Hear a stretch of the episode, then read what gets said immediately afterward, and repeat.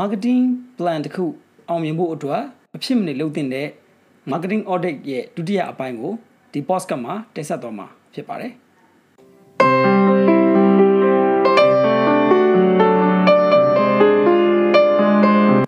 မင်္ဂလာရှိတဲ့အချိန်လေးဖြစ်ပါစေလို့ဆုတောင်းပေးလိုက်ပါတယ်ခင်ဗျာ။ကျွန်တော်တို့ဒီ podcast ကိုနားထောင်နေတဲ့မိတ်ဆွေကိုကျေးဇူးတင်နေဆိုတဲ့အကြောင်းလေးကိုအရင်ဆုံးပြောချင်ပါတယ်ခင်ဗျာ။ ကျွန်တော်ပိုကောင်းတဲ့အနာဂတ်တွေဖန်တီးနိုင်ဖို့အတွက် Better Version with Main podcast ကနေတင်ဆက်ပေးနေတာဖြစ်ပါတယ်။ကျွန်တော်တို့ဒီ podcast မှာတော့စီးပွားရေးလုပ်ငန်းရှင်တယောက်ရဲ့ဘဝဖြတ်သန်းမှုအကြောင်းတွေ marketing နဲ့အကြောင်းပိုင်း branding အမှတ်တစိတ်တိစောက်ခြင်းအကြောင်းတွေကိုအဓိကပြောသွားမှာဖြစ်ပါတယ်။ဒါအပြင်ကျွန်တော်တို့ Facebook page မှာလာမေးလေးရှိတဲ့မေးခွန်းတွေကိုလည်းပြန်ဖြေတာမျိုးတွေလည်းပါဝင်သွားမှာဖြစ်ပါတယ်။ကျွန်တော်တို့လုပ်ငန်းတိုင်းအတွက်အရေးကြီးတဲ့ marketing audit လုပ်တဲ့နေရာမှာဆိုရင်ကျွန်တော်တို့၃ပိုင်းပါဝင်တယ်လို့ကျွန်တော်တို့အဲသိရမှာဖြစ်ပါတယ်ကျွန်တော်ပထမတစ်ပိုင်းဖြစ်တဲ့ ကျွန်တော် internet environment ကိုဟလာစစ်ဆေးတဲ့အကြောင်းကိုတော့ကျွန်တော်ပထမ episode မှာပြောခဲ့ပြီးပြီဖြစ်ပါတယ်ဒါကြောင့်မို့လို့အဲပထမ episode ကိုနားမထောင်ရသေးဘူးဆိုရင်ကျွန်တော်တို့နားရှာပြီးတော့နားထောင်ဖို့ကျွန်တော်ကအဲ recommend ပေးပါတယ်ကျွန်တော်ဒုတိယတစ်ပိုင်းကတော့ဒီ external marketing environment ဆိုတဲ့အပိုင်းဖြစ်ပါတယ်ဒီတစ်ပိုင်းကတော့လုပ်ငန်းနဲ့ဆက်ဆက်နေတဲ့ပြင်ပအကြောင်းအရာတွေပေါ်မှာမူတည်ပြီးတော့ကျွန်တော်တို့စဉ်းစားသုံးသပ်တဲ့အပိုင်းဖြစ်ပါတယ်ကျွန်တော်ဖောက်တဲ့ကိုအလေးပေးပြီးတော့ ဟလာဝယ်သူကိုအမြဲတမ်းအခြေပြုပြီးတော့စဉ်းစားဆောင်ရွက်တဲ့လုပ်ငန်းတွေအနေနဲ့ဆိုရင်ဖောက်တယ်တွေနဲ့ပတ်သက်ပြီးတော့အမြဲတမ်းမေးနေရမှာမေးခွန်းတွေကဘာလဲဆိုတော့နံပါတ်1ဖောက်တယ်တွေရဲ့လိုအပ်ချက်တွေလိုအင်တွေကဘာတွေဖြစ်မလဲဘလို့ဖြည့်ဆည်းနိုင်မလဲနောက်တစ်ခုကကျွန်တော်တို့ဝယ်သူတွေရဲ့လက်ရှိလိုအပ်ချက်တွေလိုအင်တွေပြောင်းလဲသွားတာတွေဘာတွေရှိမလဲဆိုတဲ့အချက်ကိုကျွန်တော်တို့စဉ်းစားသုံးသပ်ကြမှာဖြစ်ပါတယ်ကျွန်တော်တို့လူတွေဒီအခုလူတာနဲ့ဟလာနောက်ထပ် ကျွန်တော်တို့နောက်ထပ်9နှစ်10နှစ်မှာလိုတဲ့ဟာမတူနိုင်ဘူးဒီလိုပဲကျွန်တော်တို့လူတွေဒီပတ်ဝန်းကျင်အပြောင်းလဲပေါ်မှာမူတည်ပြီးတော့လိုအပ်ချက်လိုအင်တွေဒီအပြောင်းလဲဖြစ်တဲ့သဘောလေးရှိတဲ့အတွက်ကြောင့်မို့လို့ကျွန်တော်တို့ကဘာလုပ်ကြမလဲလို့ပြောရင်ကျွန်တော်တို့ဝယ်သူတွေရဲ့ဟလာလိုအပ်ချက်လိုအင်တွေဘာတွေများပြောင်းသွားပြီလဲဆိုတာမျိုးကိုကျွန်တော်တို့အချိန်နဲ့အမျှဟလာလိလာစောင့်ကြည့်နေဖို့လိုမှာဖြစ်ပါတယ်ဒုတိယတစ်ချက်ကတော့ကျွန်တော်ဖောက်တယ်တွေဟလာဝယ်ယူမှုပြုလုပ်တဲ့အခါမှာ ဘယ်လိုအကြောင်းအရာတွေစဉ်းစားတတ်တယ်လဲဆိုတဲ့အချက်ကိုကျွန်တော်တို့ထည့်သွင်းပြီးတော့စဉ်းစားမှာဖြစ်ပါတယ်ဘာလို့လဲလို့ဆိုရင်ကျွန်တော်တို့ရဲ့ဖောက်တယ်တွေဒီပစ္စည်းတစ်ခုကိုရွေးတဲ့အခါမှာပေါ့နော်သူတို့ဒီဘယ်အကြောင်းရင်းအချက်တွေကိုအဓိကထားပြီးတော့စဉ်းစားလေးရှိတယ်လေပေါ့ဥပမာခရီးသွားတဲ့လူဆိုပါစို့နော်ကျွန်တော်ခရီးသွားတဲ့လူဆိုရင်သူဒီဟိုတယ်တစ်ခုကိုရွေးတဲ့အခါမှာသူဒီဘယ်အချက်တွေကိုစဉ်းစားလဲပေါ့ဥမာတာမန်လူတယောက်အနေနဲ့ဟလာအပျော်ခရီးထွက်မယ်ဆိုရင်သူဘာတွေစဉ်းစားမလဲပေါ့ အဲဒီလိုပဲခရီးသွားတာတော့သွားတာပဲဒါပေမဲ့ရုံးရဲ့လုပ်ငန်းကြောင့်ဟလာရုံးကခိုင်းလို့ဟလာသွားတဲ့သွားရတဲ့ခရီးမျိုးဆိုရင်ရောသူရွေးချယ်စဉ်းစားတဲ့အချက်တွေကဘာဖြစ်မလဲပေါ့ဥပမာကျွန်တော်တို့တာမန်လူတယောက်အနေနဲ့ကျွန်တော်ခရီးထွက်တဲ့အခါမှာဆိုရင်ဟလာဟိုတယ်ကသူသွားလည်မဲ့နေရာတွေနဲ့နီးလားအဲ comfortable ဖြစ်ရလားဈေးနှုန်းရော အဲတင့်တင့်လျှောက်ပဲ့ရလားစသည်ဖြင့်ဒီလိုအချက်တွေကိုစဉ်းစားကောင်းစဉ်းစားနိုင်မယ်ဒါပေမဲ့ကျွန်တော်တို့က B2B ပေါ့နော်အဲဒီလုပ်ငန်းတွေကနေပြီးတော့လွှတ်တဲ့ဟလာ business trip တွေကိုသွားတဲ့ manager တွေပိုင်ရှင်တွေကကြတော့သူတို့စဉ်းစားမှာကသူတို့ business ဒီ trip ရဲ့ပေါ့နော်ဒီခရီးစဉ်ရဲ့ရည်ရွယ်ချက်ကဘာလဲဥပမာကျွန်တော်တို့ကအဲဟိုမီတင်တွေတွားတွေ့မီတင်တက်ကမှာလားအဲဒါမှမဟုတ်ရင်ကျွန်တော်တို့ပွဲတစ်ခုကိုတွားတက်ကမှာလားအဲစသည်ဖြင့်ဒီလိုတွားရမယ်ဆိုရင်ကျွန်တော်တို့သူတို့အဓိကစဉ်းစားမှာဒီငွေကြီးဖြစ်ချင်မှလည်းဖြစ်မယ်ဒါဆိုရင်ကျွန်တော်တို့ကကျွန်တော်တို့ဟိုတယ် ဟလာတီနေရာဒီလေပတ်လို့ကောင်းတဲ့နေရာနဲ့ရှိခြင်းမှာ तू စဉ်းစားကြည့်မှစဉ်းစားမယ် तू သွားမဲ့ဟလာ तू အဓိကသွားမဲ့မီတင်နဲ့ဟလာပွဲနဲ့အနည်းဆုံးနေရာကို तू ရွေးမယ်ပြီးရင်လည်းကျွန်တော်တို့ကငွေကြေးသည်များသောအားဖြင့်ဟလာ organization ကပေးတာဖြစ်တဲ့အတွက်ကြောင့်မို့လို့ငွေကြေးကိုအဓိကစဉ်းစားတာမျိုးဖြစ်ချင်မှာဖြစ်မယ်ဒါကြောင့်မို့လို့ကျွန်တော်တို့ကဒုတိယတစ်ချက်ကဘာလဲလို့ပြောရင်ကြတော့ဝယ်သူဖောက်တယ်တွေဒီငါတို့ရောင်းတဲ့ပစ္စည်းကိုငါတို့ရောင်းတဲ့ဝန်ဆောင်မှုကိုဝယ်ယူဖို့စဉ်းစားတဲ့အခါမှာဘယ်အချက်တွေကို ချိန်ထိုးပြီးတော့စဉ်းစားလေးရှိတယ်ဆိုတဲ့အချက်ကိုကျွန်တော်တို့ကသုံးသပ်လေ့လာမှာဖြစ်ပါတယ်ဒီဒုတိယတစ်ချက်ကိုကျွန်တော်တို့ကောင်းကောင်းမွန်မွန်ဟလာတည်တည်ချာချာလေးသုံးသပ်ထပ်ဖို့ဆိုရင်တော့ consumer behavior ဆိုတဲ့ဘာသာရပ်မျိုးကိုကျွန်တော်တို့ဒီတည်တည်ချာချာလေးလေ့လာထားတင်တာဖြစ်ပါတယ်တတိယတစ်ချက်ကတော့ကျွန်တော်တို့ဘာလဲလို့ပြောရင်ကျွန်တော်တို့ဝယ်သူတွေဒီကျွန်တော် target ထားရတဲ့ customer တွေဒီကျွန်တော်တို့လုပ်ငန်းပေါ်မှာဘယ်လိုအမြင်မျိုးတွေရှိသေးတယ်လဲဟလာ positive image ဖြစ်နေသလား negative image ဖြစ်နေ ဖြစ်နေသလားပေါ့အစသည်ဖြင့်ဒါမျိုးတွေကိုလည်းကျွန်တော်တို့စဉ်းစားမှာဖြစ်ပါတယ်နောက်တစ်ခုကကျွန်တော်တို့ကိုယ်လုပ်ငန်းပေါ်မှာဆွဆွဲမမြဲဝယ်ယူလေးရှိသလားဒါမှမဟုတ်အဆင်ပြေလို့ဝယ်သွားလားဒါမှမဟုတ်ကိုယ်လုပ်ငန်းကရောင်းတဲ့ပစ္စည်းမှုလို့ကိုကြိုက်လို့ကြိုက်လို့ကိုဒီပစ္စည်းကိုဝယ်ရလားပေါ့နော်ဒါမှမဟုတ်ရင်လည်းအဲကွန်ပျူတာထက်ကိုကိုကပိုကောင်းလို့ဝယ်တာလားပေါ့ဒါမှမဟုတ်ကို brand ကိုကြိုက်လို့ကိုဝယ်နေရလားဆိုတော့အချက်တွေကိုလည်းကျွန်တော်တို့ကထည့်သွင်းပြီးတော့စဉ်းစားတင်တာဖြစ်ပါတယ်အဲ့တော့နောက်တစ်ချက်ကတော့ဘာလို့ပြောရင်ဖောက်တဲ့တွေအတွက်ဘယ်အရာတွေကအရေးကြီးသလဲ ကိုယ်လုပ်ငန်းအနေနဲ့ကောဘယ်လိုဖြည့်ဆည်းပေးနိုင်မလဲဒါကကျွန်တော်အရှိမပြောခဲ့တဲ့တတိယတစ်ချက်နဲ့တွားပြီးတော့စင်တူတဲ့သဘောရှိပါတယ်ကျွန်တော်ကဝယ်သူတွေဒီကျွန်တော်တို့ရဲ့ကုန်ပစ္စည်းပေါ့နော် category တစ်ခုကိုဝယ်မယ်ဟိုခရီးသွားဆိုခရီးသွားဖို့စဉ်းစားတဲ့အခါမှာဘယ်လိုအချက်တွေဒီတို့တို့အရေးကြီးသလဲဆိုတဲ့ခါကိုကျွန်တော်တို့ကအဲစဉ်းစားကမယ်ပြီးတော့ရင်ကိုလုပ်ငန်းကတော့ဟလာဖြည့်ဆည်းနိုင်စွမ်းဘယ်လောက်ရှိသလဲဆိုတော့ဟာကိုလည်းကျွန်တော်တို့ကသုံးသပ်ကမှာဖြစ်ပါတယ်နောက်တစ်ခုကတော့ကို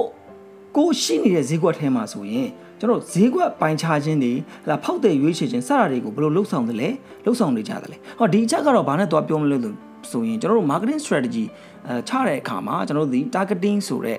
ဟလာလုပ်ငန်းစဉ်တစ်ခုကိုလုပ်ကြပါတယ်အဲ့တော့ targeting ဆိုတဲ့ကောင်မလုပ်ခင်မှာကျွန်တော်တို့ segmentation ဆိုတဲ့အပိုင်းဈေးကွက်ကိုပိုင်းခြားတဲ့လုပ်ငန်းစဉ်တစ်ခုကိုကျွန်တော်လုပ်ရတာဖြစ်ပါတယ်ဥပမာငါတို့ရဲ့အဲငါတို့ရောင်းတဲ့ပစ္စည်းတွေကတော့မန္တလေးကလူတွေအသက်အရွယ်ဘလောက်ဘလောက်တွေကို target ထားပါတယ်ဒါမှမဟုတ်ရင်ကလေးရှိတဲ့အမျိုးသမီးတွေအတွက် ကလေးရှိတဲ့အဲမိခင်တွေအတွက်ဒါမှမဟုတ်ရင်လည်းဟလာအဲ working professional woman တွေအတွက်အဲစသည်ဖြင့်ဒီလိုမျိုးကျွန်တော်တို့ကဈေးကွက်ကိုဟလာရွေးချယ်ကြပါတယ်အဲအဲ့လိုနေရာမှာလက်ရှိမှာကျွန်တော်တို့ဒီ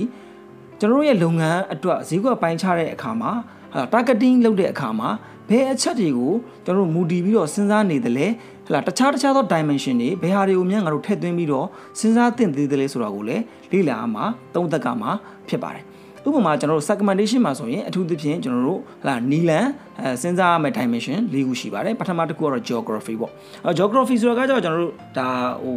ဟို data ပေါ့ဗျာနော် data ပေါ့ဟာလားဘယ် data ကလူတွေလဲရန်ကုန်မြို့ကလူတွေလားမန္တလေးကလူတွေဒါမှမဟုတ်နိုင်ငံခြားဂျာမနီကလူတွေလားပြင်သစ်ကလူတွေစသဖြင့်ဒါ geography ပေါ်မှာမူတည်ပြီးတော့ကျွန်တော်တို့ကစဉ်းစားတဲ့တစ်ချက်ပေါ့နောက်တစ်ခုကတော့ကျွန်တော်တို့က demographic အ demographic ဆိုတော့ကတော့လွယ်လွယ်မြန်မာလိုပြောမယ်ဆိုတော့ဒါသကောင်စင်းရင်ပေါ့ဗျာ အဲတကောင်စင်းဆိုတဲ့ဟာကဟာလာကြားလာမလာအသက်ဘလောက်လဲဟလာဝင်ငွေဘလောက်ရှိတဲ့လူတွေလဲဗမာနေတဲ့လူအဲဟလာဘာလောက်ကင်နေလောက်ကြတယ်လဲအဲစသည်ဖြင့်ဘာတွေကိုသူတို့စိတ်ဝင်စားကြတယ်လဲအဲစသည်ဖြင့်ဒီလိုအချက်တွေကိုကျွန်တော်တို့ကစဉ်းစားတဲ့ဟာမျိုးဖြစ်ပါတယ်ဟောနောက်တစ်ခုကတော့ကျွန်တော်တို့က psychographic ဖြစ်ပါတယ် psychographic ဆိုတာကကျတော့ဒီလူတွေမှာရှိနေတဲ့ဟိုစိတ်ပိုင်းဆိုင်ရာလှုံ့ဆော်မှုတွေကဘာလဲပေါ့ဥပမာတချို့လူတွေဒီသူတို့ကိုသူတို့အဲထားပါတော့ vegetarian လို့သူတို့ကိုသူတို့ခံယူထားတဲ့လူဆိုရင်ဘာစားမလဲ အဲဒါရှင်းပါတယ်ကျွန်တော်အသီးရွက်ကိုပဲအဲစားကြမယ်ပေါ့အဲ့တော့ဒီ psychographic ဆိုတဲ့သဘောတရားကိုလည်းကျွန်တော်တို့ကလေ့လာသင်တာဖြစ်ပါတယ်ဒီဒီ shoot down ကနေလည်းကျွန်တော်တို့က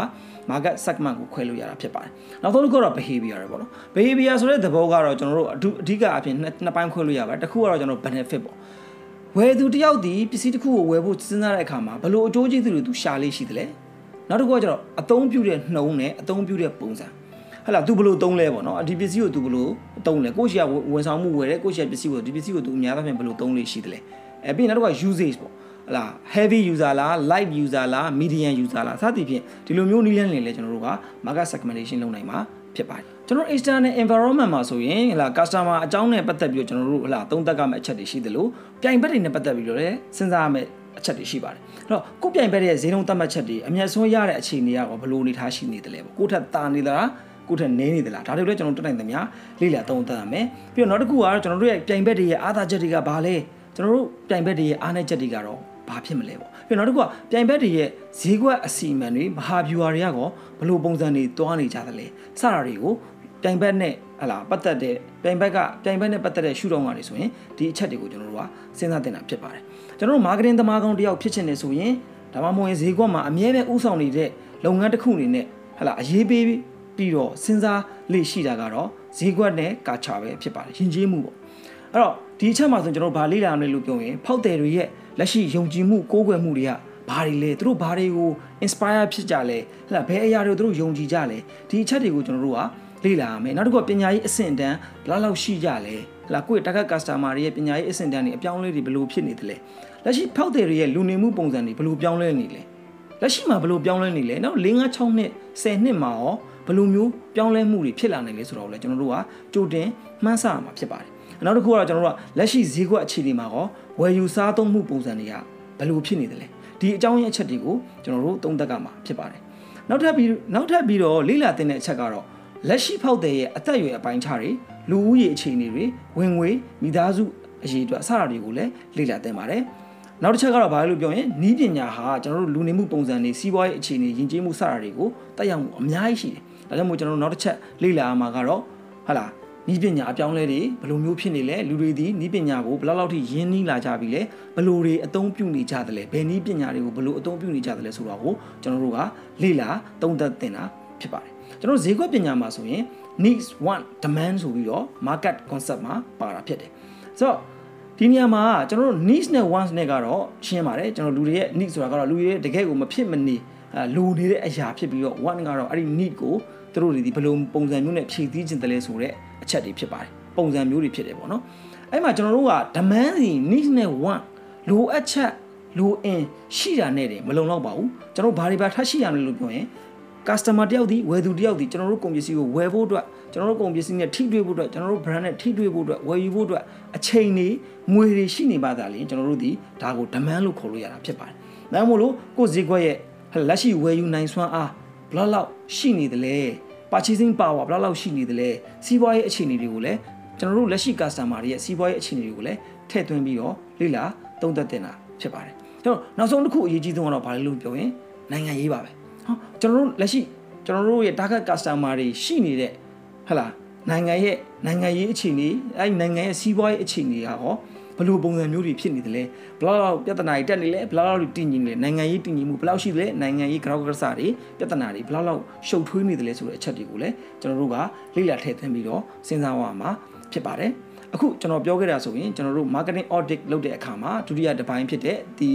external marketing environment ဆိုတဲ့အပိုင်းမှာကျွန်တော်တို့လေ့လာသုံးသပ်တဲ့အချက်တွေကိုပြောခဲ့တာဖြစ်ပါတယ်ကျွန်တော်တို့ကိုယ်တိုင်ဂုဏ်ယူရပြီးတော့အများအတွက်အကျိုးပြုတဲ့